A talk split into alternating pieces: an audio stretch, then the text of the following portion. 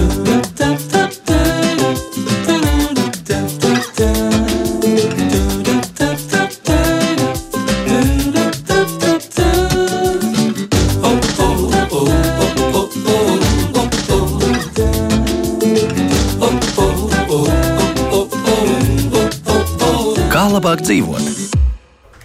Esiet sveicināti, kā labāk dzīvot ar jums. Studijā Kristiāna Lapiņa, pie skaņu pults Katrīna Bramberga un raidījuma producente ir Loreta Bērziņa.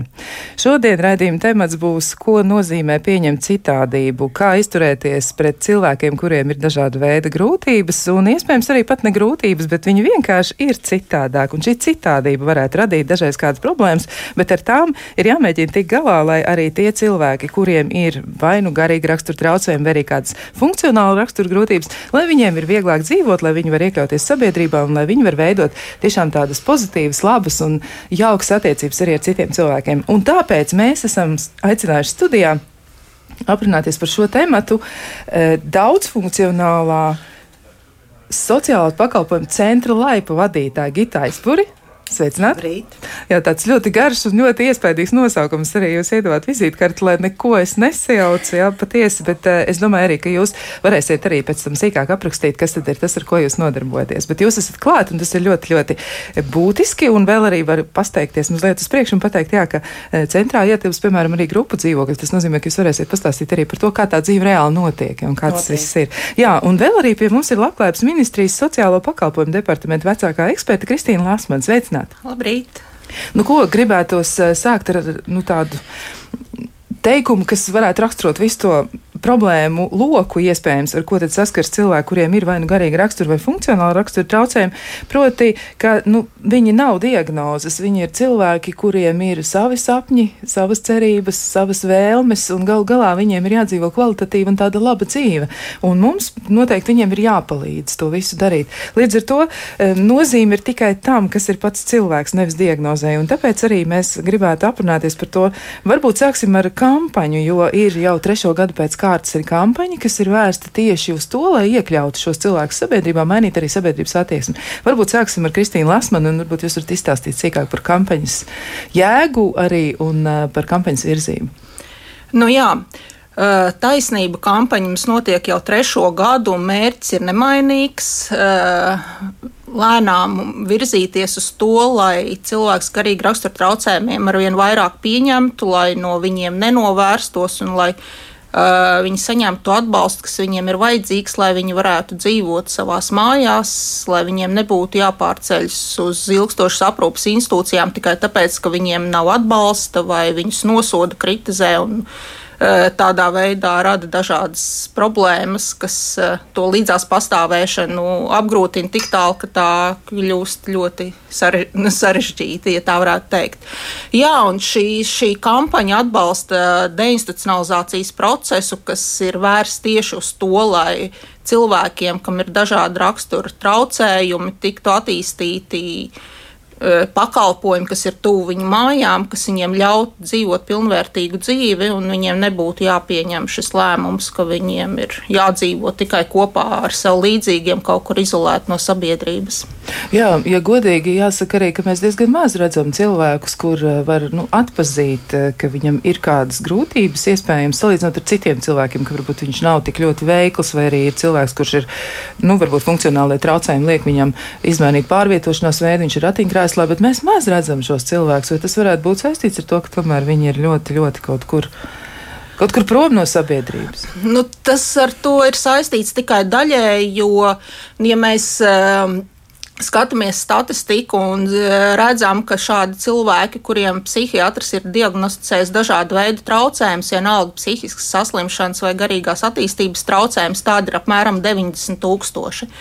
Tas nozīmē, ka viņu ir pietiekami daudz, lai mūsu tuvākajā apkārtnē būtu kāds no viņiem tuvāk vai tālāk. Bet, protams, lielākoties tas ir tā, ka viņi ir cilvēki bez kaut kādiem redzamiem traucējumiem. Daļai no viņiem var būt kaut kādas uzvedības dīvainības, un tad, ja viņi saņem atbalstu un ja nepieci, nu, lieto medikamentus, tad, ja viņiem tas ir nepieciešams, tad faktiski viņi var dzīvot normālu dzīvi, un cilvēki var pat nezināt, kāda ir viņiem diagnoze, tāpat kā mēs nezinām, ka kādam ir, nezinu, diabēts vai vēl kaut kas tam līdzīgs. Jā, jūs, jūs teicāt 90 tūkstoši, bet cik pavisam ir uh, cilvēki, kuriem būtu nepieciešams atbalsts un kur ir arī, nu, savā ziņā kampaņas, kampaņas uh, nu, mērķa auditorija esam mēs visi, bet par viņiem ir tā kampaņa. Cik tad kopā ir? Varbūt jums ir statistiskie dati par to, cik tad ir, ir uh, pavisam šādi cilvēki, kuriem būtu nepieciešams atbalsts. Uh, šie cilvēki, kam ir vajadzīgs atbalsts, ir tie cilvēki, kam traucējumi ir smagāki, un tie visbiežāk ir cilvēki, kam ir noteikti pirmā vai otrā invaliditātes grupa. Un uh, tie, es tagad varbūt varu kļūdīties, bija, manuprāt, apmēram 12,000. Nu, arī tas ir pietiekami daudz, lai, lai mēs domātu par to, kā tad. Uh, kā mums veidot savu attieksmi. Bet, eh, ja būtu jārunā par grūtībām, varbūt jūs varētu arī nu, mēģināt iezīmēt, kas tad ir tās galvenās problēmas, ar ko ir saskārušies arī kampaņas ierosinātāji, un, un kas ir tas, ko jūs esat secinājuši, kas ir lielākā problēma sabiedrības attieksmē. Nu, lielākā problēma droši vien ir eh, vēlēšanās eh, novērsties un ignorēt šo problēmu un vēlēšanās mm, izolēt cilvēkus, kas uzvedas atšķirīgi un kuriem ir vajadzīgs atšķirīgs atbalsts, vienkārši tā vēlme viņus kaut kur deportēt, lai viņiem netraucē dzīvot. Nu, tad ja ir tie gadījumi, kad, kad, kad tiešām tā kopās pastāvēšana prasa zināmu sadarbību starp abām pusēm. Un, jā, un tā vēlme, lai vārdos, jā, mēs esam pāri, mēs saprotam cilvēku tiesības un viss pārējais, bet tikko tiek uh, uzzināts, ka kāds pakalpojums tiek veidots dzīves vietas tūmā, tā piemēram uzreiz ir uh, protesti, vēstules, uh, ierosinājumi atcelt lēmumu, pārcelt to kaut kur citur. Nu, tā ir tā vēlme nu, norobežoties un tā panākt, lai šie cilvēki nu, nav saskarē ar konkrēti mani. Jā, tā tas eh, varētu būt, bet kā jums pašai šķiet, kas ir tas galvenais iemesls katram pašam tam cilvēkam, jā, nu, kurš saka, mm, es, es labprāt, bet tikai pa gabalu, bet tad, kad tas ir man blakus, es neesmu gatavs iesaistīties. Kā to varētu mainīt? Nu, visdrīzāk to varētu mainīt. Uh, saskaroties tiešā saskars, saskarē ar šiem cilvēkiem, runājot ar viņiem un saprotot, kādi viņi ir kā personības, nevis vienkārši nu, kaut kāds uh, iedomāts. Uh, briesmonis, kas tagad apdraud un traucē manu komfortablo dzīvi. Bet jums noteikti ir arī ziņas par to, kādi ir tie mīti, jeb stereotipi citu cilvēku galvās, kāpēc viņi tā reaģē. Nu, ir kaut kādi priekšstati, kur nav, nav patiesi, bet eh, nu, jūs viņus esat noteikti konstatējuši, ka tāda eksistē. Nu, viens no populārākajiem mītiem, protams, ir tas, ka šie cilvēki ir bīstami un ka viņi apdraud katru vienu no mums. Uh, bet, uh, ja mēs skatāmies, nu, Latvijā mums nav tādas uh, tiešas statistikas, bet, ja skatās citu valstu pieredzi, kur veikt pētījumi, tad tur ir secināts, ka cilvēki ar psihiskiem traucējumiem nav uh, tie, kas visbiežāk izdara vardarbīgus noziegumus. Vardarbīgs noziegums daudz biežāk izdara cilvēki bez psihiskiem traucējumiem, bet brīdī, kad to izdara kāds, kuram ir psihiski traucējumi, tas tiek pasludināts par globālu problēmu, tas tiek pastiprināti aprakstīts un tādā veidā tiek radīts tas priekšstats, ka šie cilvēki vienmēr tā dara. Jā, tā, tāda vispārināšana, var teikt, tāda domāšanas kļūda, ja, kas, mm. kas eh, traucē adekvāti uztvert situāciju kopumā. Bet uh, varbūt jūs varat arī izstāstīt sīkāk, ko tieši kampaņas laikā jūs mēģināt darīt. Nu, kas ir tie varbūt pasākumi vai aktivitātes, ko tieši jūs darāt, lai mainītu sabiedrības priekšstats? Nu, kampaņas laikā mēs mēģinām konkrētās vietās, kur ir izveidoti jauni pakalpojumi, nu, vai arī tie ir bijuši jau pirms tam. Uh, šo vietējos cilvēkus iepazīstināt ar uh, cilvēkiem, kas saņem šos pakalpojumus, kas dzīvo šajās grupu mājās, uh, vienkārši lai pierastu pie tās domas, ka viņi te ir te un ka mēs varam dzīvot kopā. Un, eh, nu, tas nerada nekādus eh, nu, nepārvaramus šķēršļus. Bet kā ir? Vai cilvēki, tad, kad viņi mēģina novērtēt nu, savas iespējas būt eh, kopā ar cilvēkiem, kuriem ir vai nu garīgi rakstura vai funkcionāli traucējumi, kā ir? Vai viņiem ir pietiekami daudz zināšanu par to, kas ir kas un kā jūs to varētu komentēt? Varbūt ir nepieciešams vairāk skaidrot, ko tas nozīmē, jo arī, nu, piemēram, piemēram, tādas smagi izteiktas depresijas gadījumā cilvēkam arī ir milzīgas grūtības noturēties darbā, strādāt vai vispār saņemties aiziet uz darbu. Tas ir ļoti, ļoti grūti. Kā tad ir? Vai cilvēks saprot vispār, ko tieši tas nozīmē, pieņemsim, šis te? Psihiskās veselības traucējums? Nu, tas droši vien ir diezgan dažādi. Ir cilvēki, kas saprot, un ir cilvēki, kas nesaprot, bet visbiežāk tomēr tā zināšanas nav pietiekamas. Un, tajā skaitā nu, mēs nevienmēr pamanām sev tuvajiem cilvēkiem nu, kaut kādas pazīmes, kas liecina, ka viņiem ir vajadzīga palīdzība. Un, nu, jā, principā droši vien, ka šīs zināšanas ir pa maz, bet nav tādas tāda viegla risinājuma, kā tad, kā, kā tad katru vienu izglītot, lai, lai Jo mēs varam informēt, mēs varam dažādos veidos izplatīt informāciju, bet nu, vajag jau, lai cilvēks eh, to grib dzirdēt, sadzird un izmanto. Jā, varbūt tas nes arī citu veidu pārmaiņas. Un ko jūs domājat, pieņemsim, par um, izglītības iestādēm? Kā tur veicas ar integrēšanu? Kā tur ir? Varbūt, ka tur ir kaut kas jādara, jo tas jau varētu sākties arī ar skolu vai ar bērnu dārzu, kur ir kāds bērns, uh, kuram ir, nu, zināmas problēmas, un tomēr ir jāmēģina integrēt šis bērniņš, lai viņš tālāk varētu arī veiksmīgi mācīties un arī tālāk dzīvot. Kā jums liekas, nu, piemēram, izglītības iestādes, vai tur viss ir kārtībā? Varbūt tur kaut kas ir jāmaina? Nu, uh Droši vien, ka viss kārtībā nav nekad. Vienmēr ir eh, lietas, ko var darīt labāk, un, protams, arī mūsu valstī tas ir tieši tāpat. Un uh, droši vien, ka uh, ir, ir, izglītības iestādes, kur ar to viss ir nu, vismaz vairāk vai mazāk kārtībā, un tādas, kuras nav. Un, ļoti izšķirošs šeit bieži vien tieši cilvēciskais faktors. Uh, šīs izglītības iestādes vadītājs, konkrēti audzinātāji un konkrēti vecāki. Jo bieži vien šīs problēmas ar nepieņemšanu rodas tieši vecākiem, kuri šo atšķirīgo bērnu grib dabūt ārā no tās klases, lai viņš netraucē viņu bērniem mācīties. Bet bērniem savā starpā tās uh, problēmas varbūt nav nemaz tik lielas. Tā, ka, nu, tā, tā ir nu, tā kopējā attieksme un tā vēlme vienkārši, ja man kāds eh, traucē, es gribu, lai viņš nav pie manis. Bet, eh, protams, bērni, ja viņi jau no mazotnes pierod, ka apkārt ir atšķirīgi cilvēki, tad arī pieaugot, uh, nu, šī attieksme jau ir dabiska, tad viņa nav jāpanāk tā kā nu, caur kampaņām vai kaut kā speciāli, speciāli ietekmējot šo izpratni.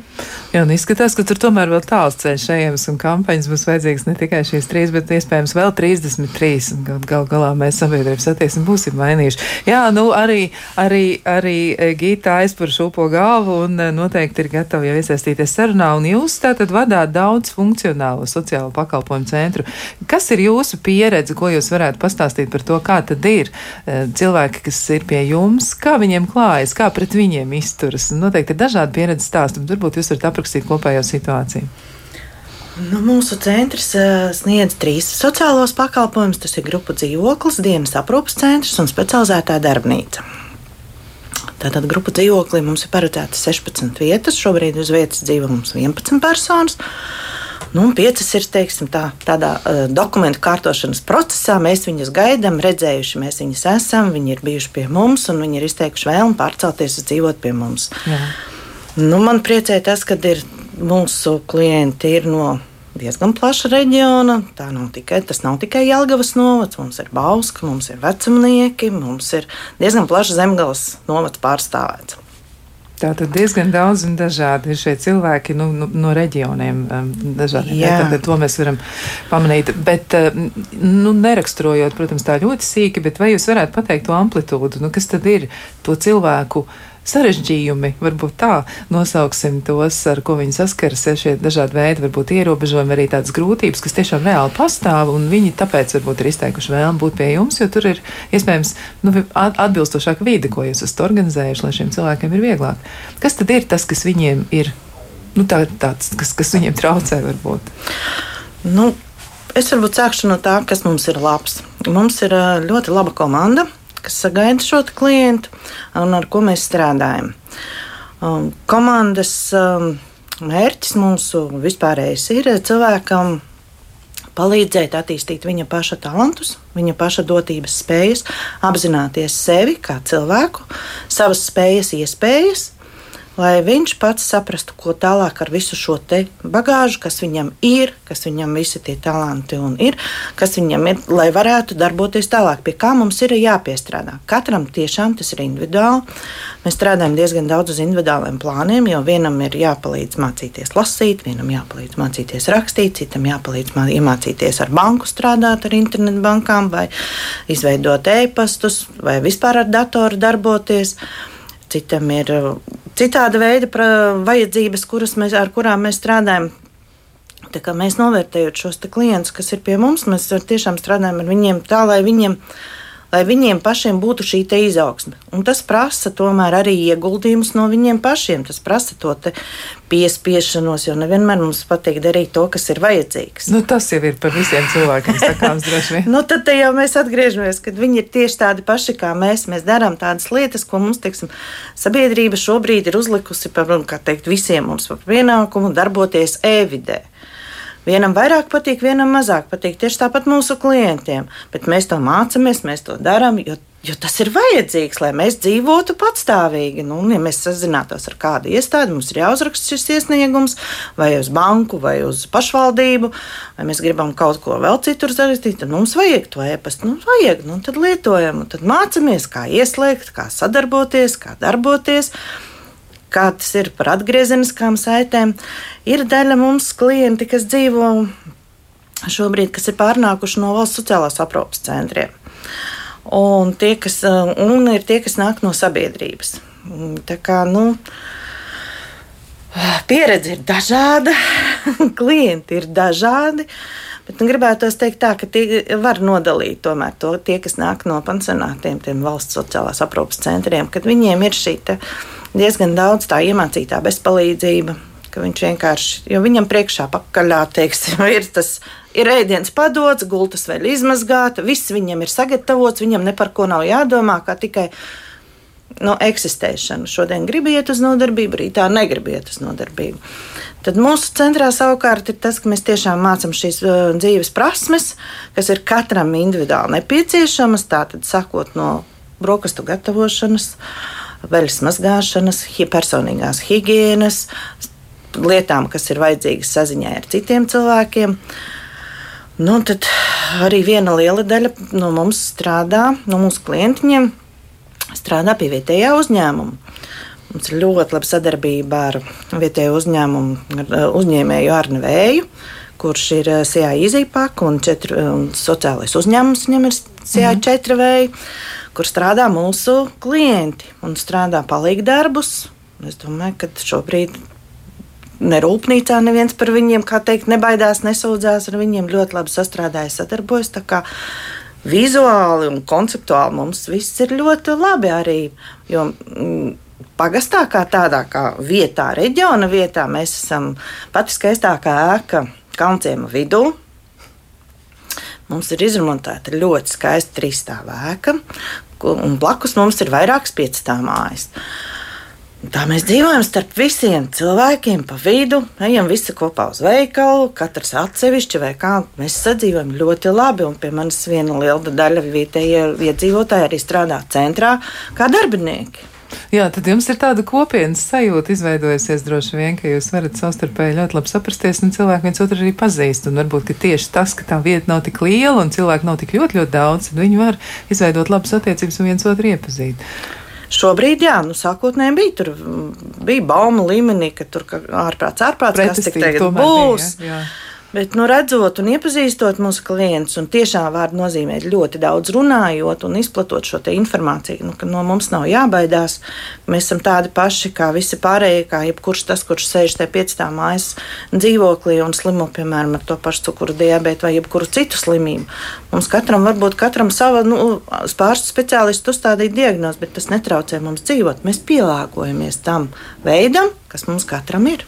Jā, es arī jūsu attieksmē saklausīju tādu ļoti pozitīvu virzienu. Es jūs aicināju runāt par sarežģījumiem, un jūs uzreiz mēģinājāt runāt par labajām lietām, par tām mm, prasmēm, spējām, kas jau piemīt jūsu klientiem. Tātad jūs tomēr daudz strādājat uz motivāciju, jau mēģināt arī attīstīt viņos Jā, šo vēlmi tad... darboties. Bet jūs arī teicāt, ka pastāv atšķirības starp sociālās aprūpas centriem un jūsu centru. Tātad jūs cenšaties strādāt prasmju attīstīšanas virzienā. Un kā tas nākas, ka sociālās eh, aprūpas centros, kas ir valsts pārziņā, ja par ko visi mēs, nu, tā teikt, esam samaksājuši savus nodokļus un gaidām no tā arī kādu atgriezenisko saiti. Kā tas nākas, ka tur ir tik ļoti, ļoti atšķirīga? E, šī situācija. Vai tas ir saistīts ar personāla trūkumu vai, teiksim, ar laika ierobežojumiem? Kā jūs varētu raksturot? Un šo jautājumu es adresēju šobrīd Kristīnai Lāsmanai. Uh, tā, tā pamat problēma šajā situācijā ir tā, ka vietā, uh, kur eh, vienu vietu dzīvo 50, 100 un 200 cilvēki, šādu individuālu pieeju nodrošināt vienkārši nav iespējams. Arī tad, ja personāls ir motivēts un personāls pietiek, protams, personāls nepietiek daudz, kur un arī aprūpas centros šī ir problēma, bet tā galvenā lieta ir, ka dzīvojot šādā lielā institūcijā, nav iespējams nodrošināt ne individuālu dienas kārtību. Cilvēks nevar celties, kad grib iet gulēt, kad grib. Uh, mazgāt savas drēbes vai nemazgāt savas drēbes, jo vienkārši, lai nodrošinātu aprūpi tik lielam cilvēku skaitam, nu, vi, visas darbības tiek centralizētas, jo savādāk vienkārši to nav iespējams izdarīt. Nu, fiziski nav iespējams un laika, laika ietvarā to nav iespējams. Un līdz ar to arī šie visi mazāka mēroga kopienas pakalpojumi ir tik svarīgi, ka ta, tas ir tas risinājums, kādā veidā aprūpe un nepieciešamais atbalsts cilvēkiem var būt nodrošināts individuāli un tādā veidā, ka viņš var dzīvot pilnvērtīgu dzīvi. Jo institūcijā tas nav iespējams, un tieši tāpēc mērķis ir, lai šo institūciju kļūtu ar vien mazāk un šādu jaunu un citu veidu pakalpojumu ar vien vairāk. Un, jā, nu, protams, kaut kad ilgtermiņā Eh, būtu labi, ja vispār nebūtu lielo institūciju un būtu grupu mājas un cita veida individuāls atbalsts pašvaldībās. Nu, tas ir diezgan tāls mērķis, bet nu, jā, tas ir tas, ka, kas būtu jādara, ja mēs gribētu teikt, jā, mēs nodokļu maksātāju naudu ar pilnu atbildību tērējam tikai tam, kas ir tiešām labs, kvalitīvs un cilvēku vajadzībām atbilstošs. Tas nozīmē, ka pašvaldībām iespējams ir jāaktivizējas vairāk un jāveido grupu dzīvokļu pie sevis, grupu mājas, vai tā tas būtu jādara? Uh, Jā, protams, pašvaldība, jo šobrīd, šobrīd ir tā, ka pašvaldība ir tā, kas ir atbildīga par šo pakalpojumu veidošanu, bet, protams, ka tas ir jādara kopā gan valstī, gan pašvaldībai un kopā izdomājot veidus, nu, kā, kā, kā, kā panākt, ka šo pakalpojumu ir vairāk, apvienojot finansējumu un apvienojot spēkus, un galvenais jau ir uh, nu, tā vēlme un izpratne, ka šie pakalpojumi ir vajadzīgi. Jo tad, kad uh, mēs sākām īstenot šos uh, kopienas uh, pakalpojumu attīstības projektus, jeb deinstitucionalizācijas projektus, kā, kā viņus sauc. Šis vārds kādam patīk un kādam nē, kāds nevar izrunāt, vai vēl kaut kas tam līdzīgs. Uh, bet jā, nu, sākumā tas bija tā, ka uh, diezgan daudz pašvaldības vienkārši nevēlējās šos pakalpojumus attīstīt mm, dažādu iemeslu dēļ, gan tāpēc, ka teica, ka mums nav tādu cilvēku, kam to vajag. Tad, protams, Uh, nu, tas pats, kas vispārēji sabiedrībā par to, ka nu, nu, tikai ne šeit, varbūt kaut kur citur. Un, uh, jā, mums pagāja diezgan ilgs laiks, kamēr mēs nonācām pie tā, ka pašvaldības pieņēma lēmumus, jā, mēs šajā vietā veidosim šādu pakalpojumu. Protams, bija vietas, kur tā nebija problēma, kur, kur, kur, cilvēki bija saprotoši un jau gāja uz to mērķi un vienkārši izmanto iespēju, kad ir finansējums, lai attīstītu nu, to, to, kas viņa teritorijā ir vajadzīgs. Bet jā, nu, tā izpratne, ka to vajag un skaidri zināt, cik cilvēkiem, kurā vietā, ko Un tad jau to iespēju to izveidot, ir atrast ir daudz vieglāk nekā, kad mēs esam situācijā, kad nē, varbūt mums to nemaz nevajag. Nu, nē, mēs nopirksim pakalpojumu blakus pašvaldībā, paši neveidosim. Bet laikam jau taču nav pašvaldības, kur nebūtu cilvēku, kuriem ir šāda veida vajadzības, kuriem būtu funkcionāli traucējumi. Ja noteikti tādi ir, un ir arī cilvēki ar garīgās veselības problēmām. Pilnīgi noteikti. Man šķiet, nav Latvijā pašvaldības, mm. kur nebūtu tādi cilvēki. Jā, tā ir pilnīgi taisnība. Tādas pašvaldības nav, un tagad, kad pašvaldības ir apvienotas, pamats, vēl jo vairāk tas ir pilnīgi neiespējami. Bet kā jūs saskatāt nākotnē, ja tagad kā reizes pašvaldības ir apvienots, varbūt tur tomēr ir vairāk resursu un cilvēks spēs domāt par to, ka tas ir jādara un tur varbūt tas attīstīsies straujāk. Kāds varētu būt atbalsts arī labklājības ministrija, ko tad dara, nu, kādā veidā tad tiek atbalstīti šie projekti, jo, jo piemērs mums ir ļoti, ļoti labs. Mēs dzirdējām arī laipas piemēru, nu, tiešām ļoti, ļoti tāds iedrošinošs un motivējošs piemērs. Bet no labklājības ministrijas, kas tad ir tas jūsu atbalsts, kā jūs mudinat to darīt? Uh. Nu jā, mēs uh, šobrīd īstenojam šos uh, projektus, kas uh, gan finansē pakalpojumu sniegšanu cilvēkiem garīgi rakstura traucējumu, gan arī infrastruktūras izveidi. Mēs šobrīd esam tajā posmā, kad jaun, daudzu jaunu pakalpojumu vietu izveidē ir jānoslēdz. Viņi nenotiek tik ātri, kā mēs gribējām, bet šobrīd es gribētu teikt, ka mūsu mērķis ir pabeigt iesākto. Jo mums ir plāns, ka tiek izveidots 151 jauns pakalpojums. 151. Jā, nu tas ir periodā no 18. līdz 23. gadam 151 jauns pakalpojums. Mēs šobrīd esam situācijā, kad uh, ir izveidota apmēram viena trešā daļa no viņiem visiem. Bet Kaut... 23. gads ir tepat? Jā, 23. gads ir tepat. Šie projekti ir lielākā daļa no viņiem noslēguma posmā, un es gribētu teikt, ka kad tie pakalpojumi tiks atvērti, līdzīgi kā tas notika ar laipu, kad, kad šis atbalsts būs daudz pieejamāks tas palīdzēs pierast gan sabiedrībai, gan uh, pašvaldību politiķiem un visiem pārējiem pie tā, ka uh, nu, šie cilvēki ir, tas atbalsts viņiem ir vajadzīgs, un šeit ir redzams veids, kā to var nodrošināt, ka nu, tas risina da dažādas lietas un ka tā, nu, tas ir jāturpina. Bet jūs teicāt, 151 pakalpojums, vai mēs ar to pakalpojumu saprotam kaut ko līdzīgu, kā funkcionē laipa? Tātad, jā, tie, tas ir tas. Ko... Jā, tie ir jauni dienas aprūpas centri, grupu dzīvokļi, specializētās darbnīcas, arī atalpas brīžu pakalpojumi.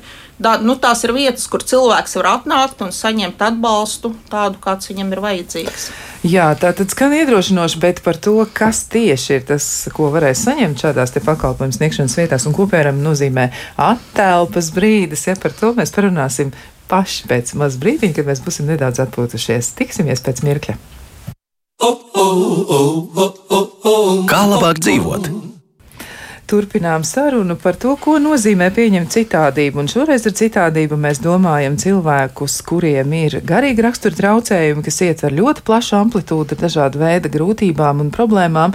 Un eh, citreiz varbūt pat ar tādiem nelieliem ierobežojumiem. Varbūt mēs pat nevaram teikt, ka tās ir milzīgas grūtības, bet tajā pašā laikā cilvēkam nu, nav nemaz tik vienkārši iekļauties. Un vēl arī šajā grupā ietilpst cilvēki, kuriem ir funkcionāls dabas traucējumi. Tātad arī tas kādreiz rada tādas zināmas, eh, zināmas iesaistīšanās problēmas problēmas. Bet um, gribu atgādināt arī klausītājiem, ka šodien mēs runājam ar daudz funkcionālā sociālās aprūpas centra laipu vadītāju Gita Aizpuri, un arī pie mums ir Labklājības ministrijas sociālo pakalpojumu departamenta vecākā eksperta Kristīna Lāsmana. Un uh, sarunu man gribētu turpināt arī ar. Um, iepriekš minēto pašvaldības iesaistīšanos un ar sociālā pakalpojuma turpinājumu. Nu, ja tas tiek ieviests, tad pēc tam varētu rasties tomēr arī zināmas grūtības pašvaldības eh, līmenī. Kā tas ir? Varbūt, ka e, Gītājs par varētu komentēt šo situāciju. Nu, tas mans redzējums eh, ir tāds, ka nu, šobrīd šos DI projektus finansē Eiropa. Viss ir ļoti skaisti. Mēs līdz projekta beigām, līdz 23. gada augusta beigām, mums ir šis garantētais finansējums. Pēc tam viss šis paliek uz katras pašvaldības pleciem. Kā mēs zinām, ka sociālais pakalpojums ir pats par sevi ļoti dārgs, jo nu, nu, viņš nevar būt lēts, jo viņš sevi neražo. Viņš ir jā, jādotē. Un tas ir tas, kas domāju, ka viens, ka viens no iemesliem, kāpēc pašvaldības izvērās pašas pie sevis šeit šādus radīt. Jo tomēr tas ir saistīts gan ar novietojumu, gan ar nokļūšanu, klienta nokļūšanu pie, uz pakalpojumu vai pie speciālistiem, kas, kas nu kurā vietā, vai tas ir darbnīcas, vai tas ir atelpas brīdis, vai tas ir dienas aprūpas centrs. Nu, tā kā nokļūšana ir viena problēma, un otrs ir tas, ka nu, tas ir um, darbinieku atalgojums arī.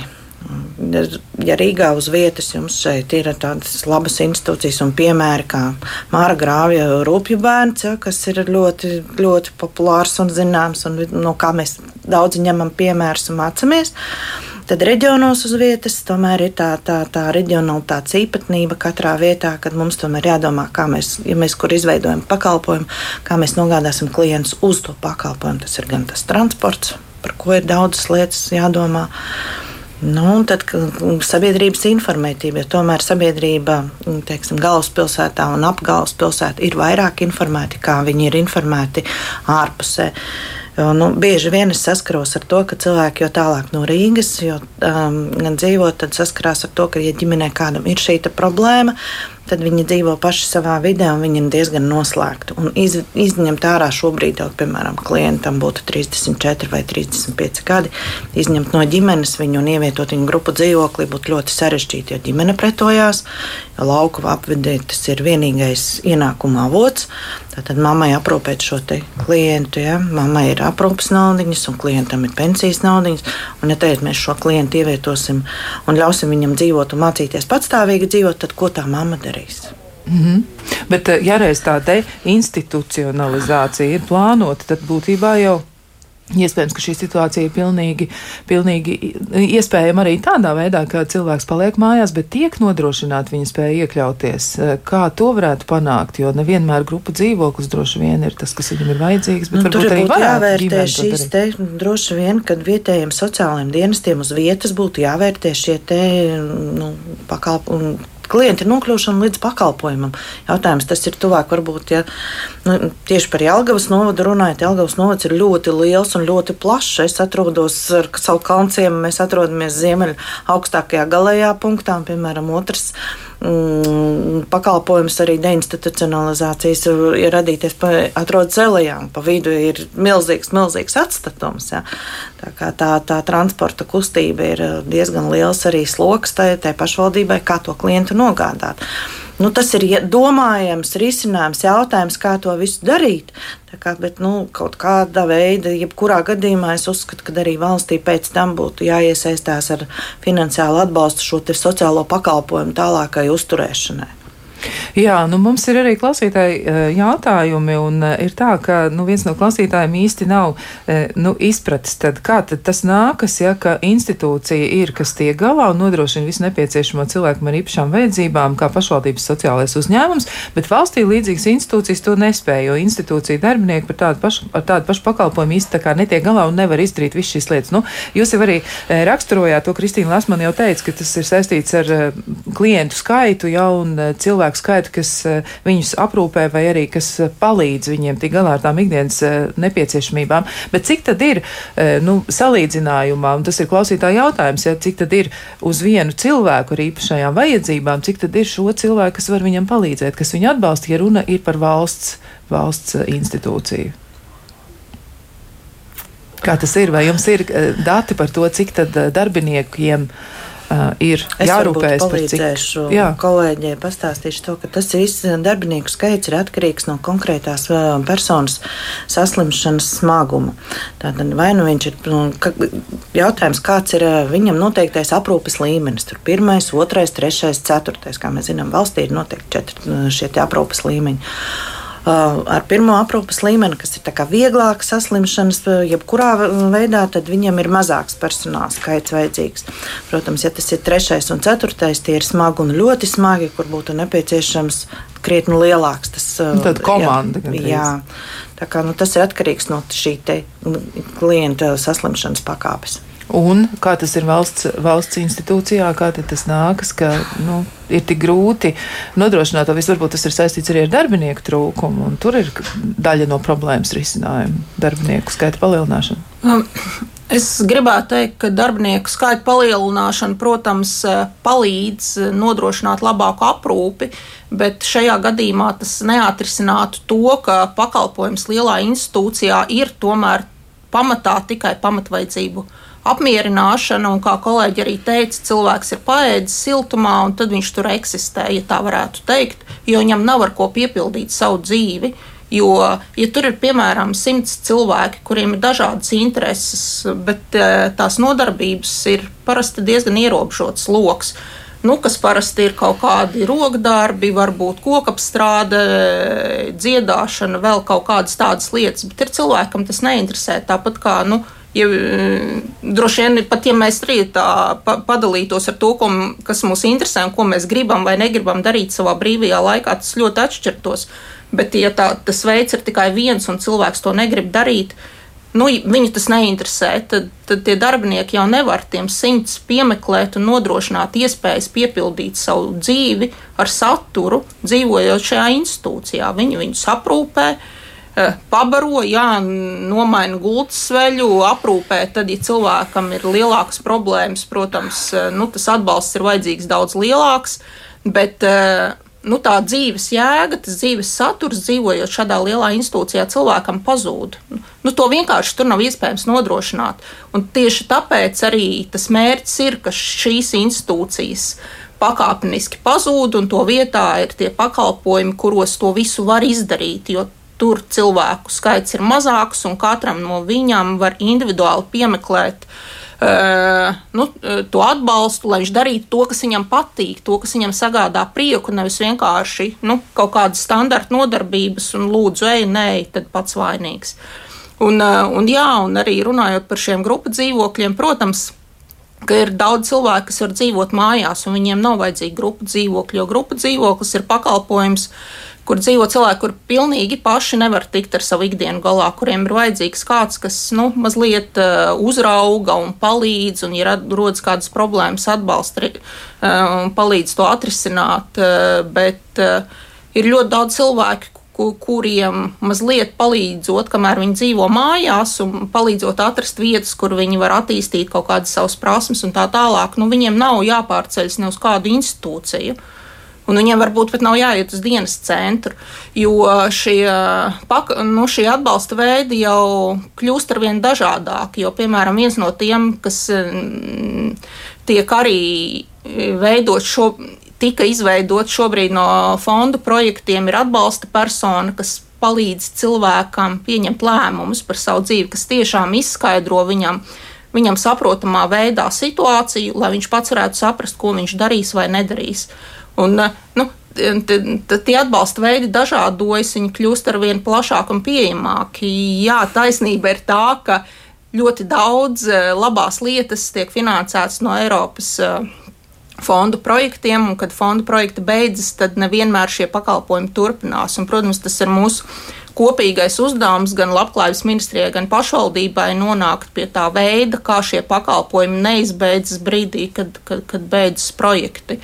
Un arī par to tiek domāts, jo cilvēkiem, kas aiziet no institūcijām, Jo šobrīd ir paredzēts valsts budžeta līdzfinansējums šo pakalpojumu izmaksu nu, vismaz daļējai sekšanai. Uh, Un uh, ir arī dažas jaunas citas idejas, kādā veidā varētu dalīt šo atbildību, jo tas nav pareizi, ka valsts atbild par šo pakalpojumu. Nu, kas nav, nav perspektīvas, ja tā varētu teikt, un, un iegulda savus resursus vienalga, lai arī šis pakalpojums būtu nu, kaut kādā kvalitātes rāmī. Un pašvaldības, kurām likums ir uzlicis atbildību par šiem sabiedrībā balstītiem kopienas pakalpojumiem, nu, tad tur tas finansējums ir nu, ļoti ļoti dažāds, un, un situācija ar šiem pakalpojumiem starp pašvaldībām ļoti atšķiras.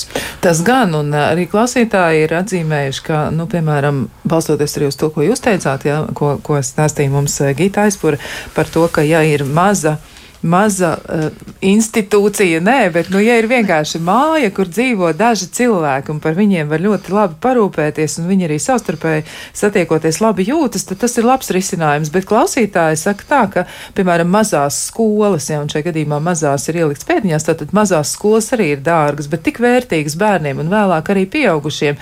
Un, ja ir mazs un dārgs, tad nevajag. Ja, ja esi mazs, tad kļūsti nevērtīgs un valstī neizdevīgs. Kā tik lētāk? Nu, tas ir par to naudas sadalījumu un uh, par to, ka jā, ir nepieciešama īpaša uzmanība, ir nepieciešams laiks, ir nepieciešama telpa, cilvēki. Tā tas ir. Varbūt uh, jūs arī varat komentēt to mazs un dārgs. Nu, tomēr būtu jāiet mums uz to mazo, nu, kaut arī dārgāko. Es Jā, un es vēl gribētu piebilst, ka mazs un dārgs, nu, tomēr iet runa par, ja ejam uz rezultātu. Ja mēs to nedarām ķeksīšu pēc. Nu, par, es par savu māju varu teikt tā, ka nu, mums dzīvo ļoti fantastiski cilvēki, kas ir mūsu klientiņi. Par vienu no viņiem var pastāstīt, kā viņu dzīve mainījās. Piemēram, Ingu un Ingus šobrīd ir laulāts pāris ūdri. Viņi pie mums ieradās no Ziedkalnas pansionāta, kur viņi jau ilgstoši bija draudzējušies, bet nu, viņi pārceļoties pie mums arī katrs sākotnēji dzīvoja atsevišķi. Pēc tam viņi nolēma to savu teikt, savienību teikt, reģistrēt oficiālu laulību. Viņi apprecēs, viņi mums dzīvo ģimenes dzīvoklī. Viņi ļoti labi spēja funkcionēt šobrīd kā cilvēki, kas ir ar pagātni, kas ir ļoti skarba. Tas ir tā laika. Padomu laika bērnu nams, pēc tam pansionāts, pansionāts, pansionāts, dažādi veidi pansionāti un tā tālāk. Tā aizmugures pieredze viņiem katram ir tāda nu, nu, ļoti skaudra. Uh, Bet tad, dzīvojot pie mums, mēs viņiem palīdzam šo te. Nu, nu, nu, Kaut nedaudz, bet uh, atvieglojam to, ka viņi ir vērtības, kad viņi spēj darīt un viņi strādā. Viņi abi divi šobrīd strādā pie tā mūsu minētā uzņēmēja, šobrīd jau Kauncēmā. Um, Inga vispār ir atplaukusi, es teiktu, ļoti fantastiska meitene. Uh, Un šobrīd mums ir uh, specializētajā darbnīcā tāds jauns uh, novirziens. Mēs, iz, mēs tā nolēmām, pamēģinājām un sapratām, ka mums tā ļoti labi sanāk. Gatavojam ziepes, un Inga mums būs tiek gatavota kā meistare, kas gatavos šīs skaistās, fantastiskās ziepes, kuras mēs lietojam šobrīd ļoti aktuāli. Ja? Kā ir tā reklāma, ziepes divi metri. Ja? Tagad ziepes nu, ir ļoti vajadzīgas. Tas uz palikšanu, ja? tas uz palikšanu. tā kā mēs, nu, arī visa mana darba komanda un kolektīvs, mēs esam orientēti uz to, lai mēs katram iedotu to, to trūkstošo daļu, kas viņam ir nepieciešams, lai viņš pats tālāk var uh, fi, eksistēt. Ne, bet figurēt jau tik tālu, ka viņš uh, nu, pats var. Viņam ir tikai nu, neliels atbalsts vajadzīgs. Jā, mēs esam staigājošas mutes, ja tā var teikt. Mēs atgādinām, vai tu iedzēri zāles, vai tu izdarīji to, vai tu izdarīji šito, vai tu pierakstījies pie ārsta, vai tu to izdarīji. Ah, jā, ah, jā, un tad izdara. Mēs esam klāt. Aizbējām, aizbrauc ar klientu uz banku. Pirms tam mēs izrunājam, ko tu bankā darīsi, ko tu stāstīsi. Mēs viņam esam klāt fiziski. Uh, bet viņš pats iet, viņš pats runā, viņš jūt, ka viņam uzticās. Jā. Nevis viņa vietā, tev tas jādara vai tev šitā jādara. Viņš ir tas, kurš sāku dzīvot. Jā, cits pēc 30, cits pēc 40. Nu, nu, pie mums ir dažādi vecuma cilvēki, bet nu, idejiski jau jā, par šiem pakalpojumiem manā, manā uzskatā šis ir viens no fantastiskākajām lietām, kas DI procesā ir radies. Un tad vēl vien, viens no turpinājumiem šim pašam pasākumam būtu šie mentoru pakalpojumi, kad klients ir izgājis šo apmācības procesu. Zinām, vienam vajadzīgs gads, vienam trīs varbūt, bet viņš ir iekšēji gatavs. Iet dzīvot patstāvīgi, un tad tālāk viņš dzīvo patstāvīgi kopā jau ar mentoru. Un pie mentora vēršās tajā brīdī, kad viņam ir šis atbalsts vajadzīgs, bet viņš jau spēj pats dzīvot. Tā ir milzīga pārmaiņa droši vien gan domāšanā, gan arī attieksmē, kura ir daļai notikusi un arī turpina notikt. Un, eh, nu, tam būtu jāturpinās. Bet mm. jūs, Kristīna, lasot, varbūt kaut ko vēl piebildīs? Jā, es gribēju piebilst par to, jā, ka viena lieta ir eh, pieņemt atšķirīgo un uh, dzīvot tam blaku, dzīvot blakus un sadzīvot, uh, bet otra lieta ir tā, ka Nu, droši vien liel, nu, liela daļa iemesla tam ir eh, tas, ka šis atbalsts eh, vecākiem audzinot bērnus ar šādu veidu eh, grūtībām nav bijis kopš dzimšanas. Viņi ir tikuši ar visu galā paši, un tas viss ir. Um, nu, viņi to ir darījuši 10, 20, 30 gadus, un tā visa rezultātā uh, tā cilvēka, šī, šī cilvēka garīgi rakstura traucējumiem dzīve ir pārvērtusies par to, ka šis vecāks visu zina labāk un viņš pieņem lēmumus par šo bērnu. Un, eh, nu, viņš jau sen varbūt nav bērns, bet eh, vecāka acīs jau viņš vienmēr būs bērns. Tā kā viņiem netiek dota iespēja nu, kaut ko darīt neatkarīgi un viņi uzticēties tam, ka viņi kaut ko var izdarīt un arvien vairāk iemācīt viņiem kaut ko darīt pašiem. Nu, šī ir vēl viena daļa no problēmas, ka uh, Jā, un, un šo, šo problēmu daļai palīdz risināt mans pie, pieminētā jau atbalsta persona, kas ir vērsta tieši uz to, ka šis cilvēks pats pieņem lēmumus, un viņam tikai ir saprotami jāpaskaidro, ko tas nozīmē. Jā, nu tā ir tāda ļoti būtiska lieta arī neatņemt tās eh, paša izvēles tiesības un iespējas, jo arī viens no klausītājiem atzīmē, ka ļoti liels risks ir, piemēram, šādiem cilvēkiem nokļūt informācijas manipulātoru nagos, ja tā var teikt. Viņi tiešām saskars ar dažādu veidu informāciju un arī vai kāds uh, māca mēdī pratību un brīdina par tādiem dažādiem riskiem, kas varētu parādīties. Jo patiešām ar šiem cilvēkiem var manipulēt, var, var uh, ar, izkrāpt no viņiem kaut ko. Viņi tiešām ir tādā ziņā, nu, riska zonā, ka viņus var izmantot ļoti, ļoti nelāgiem un, un, un sliktiem mērķiem. Es gribētu teikt, ka tas ir vispārinājums. Protams. šādus te arī um, ma manipulatori izmanto jebkuru citu cilvēku, kuram nav pat šis GRT. Tā kā tas es nedomāju, ka ir attiecināms uz šo kategoriju. Jā, viņi ir ļoti sirsnīgi. Šī lielā, tāda viena lielā iezīme, kas ir šai te, mūsu mērķa grupai, kas ir ar nosaukumu GRT, viņi ir ļoti sirsnīgi, viņi ir ļoti atvērti. Jā, viņi, ir, viņi uzticās. Jā. Bet uh, es domāju, ka tā nebūtu tā lielākā problēma, ja ir šis atbalsta persona vai personāls, pie kā vērsties. Nu, ja mums šobrīd ir šie arī bijuši šādi, te, ka mums atnāk, man te zvanīja no bankas, bet man nemaz banka vēl nav. Tā kā, nu, Galvenais ir parādīt cilvēkam to, ka viņam ir iespēja vērsties par neskaidrību gadījumā pie kāda no šīm personām, kas viņu atbalsta. Jā, nu vēl man gribētu arī sarunas noslēgumā jautāt, kur tad vēl var saņemt informāciju, kur var arī apgūt vairāk par to, eh, kā runāt ar cilvēkiem, kuri ir citādi, kā runāt ar cilvēku, kuram ir garīgi rakstura traucējumi, nu, kur var apgūt šīs iemaņas, kur var mācīties tomēr vairāk par eh, viņiem, par kopā būšanu un pārstāt baidīties, pārstāt izdomāt visādas lietas, kas nav patiesas. Uh, nu jā, protams, ka li, li, li, li, lielā mērā dažādās jomās šobrīd internets ir uh, vispieejamākais informācijas avots, un arī mūsu kampaņas mājaslapā cilvēks nevis diagnoze, ir dažādi informatīvi materiāli par to, kā, kā runāt ar šiem cilvēkiem, ko nozīmē dažādi veidi traucējumi un tam līdzīgi. Un ir arī citas mājaslapas, kur to var atrast, jo arī veselības ministrija regulāri rīko informatīvas kampaņas, un uh, viena no tām bija nenovērsies LV, un uh, viņi turpina arī tagad vēl ar citiem veidiem. Līdz ar to uh, droši vien, kad ir vienkārši jāmeklē. Ja meklē, tad atrod.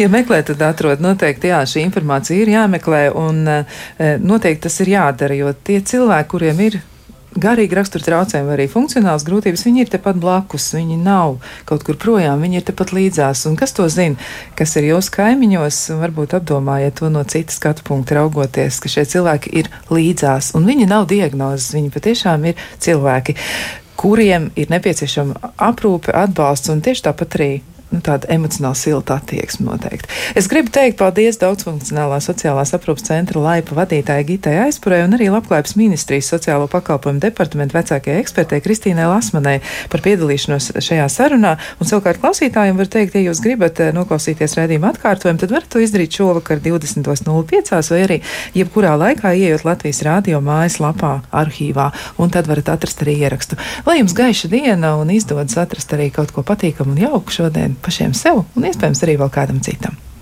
Uz tikšanos!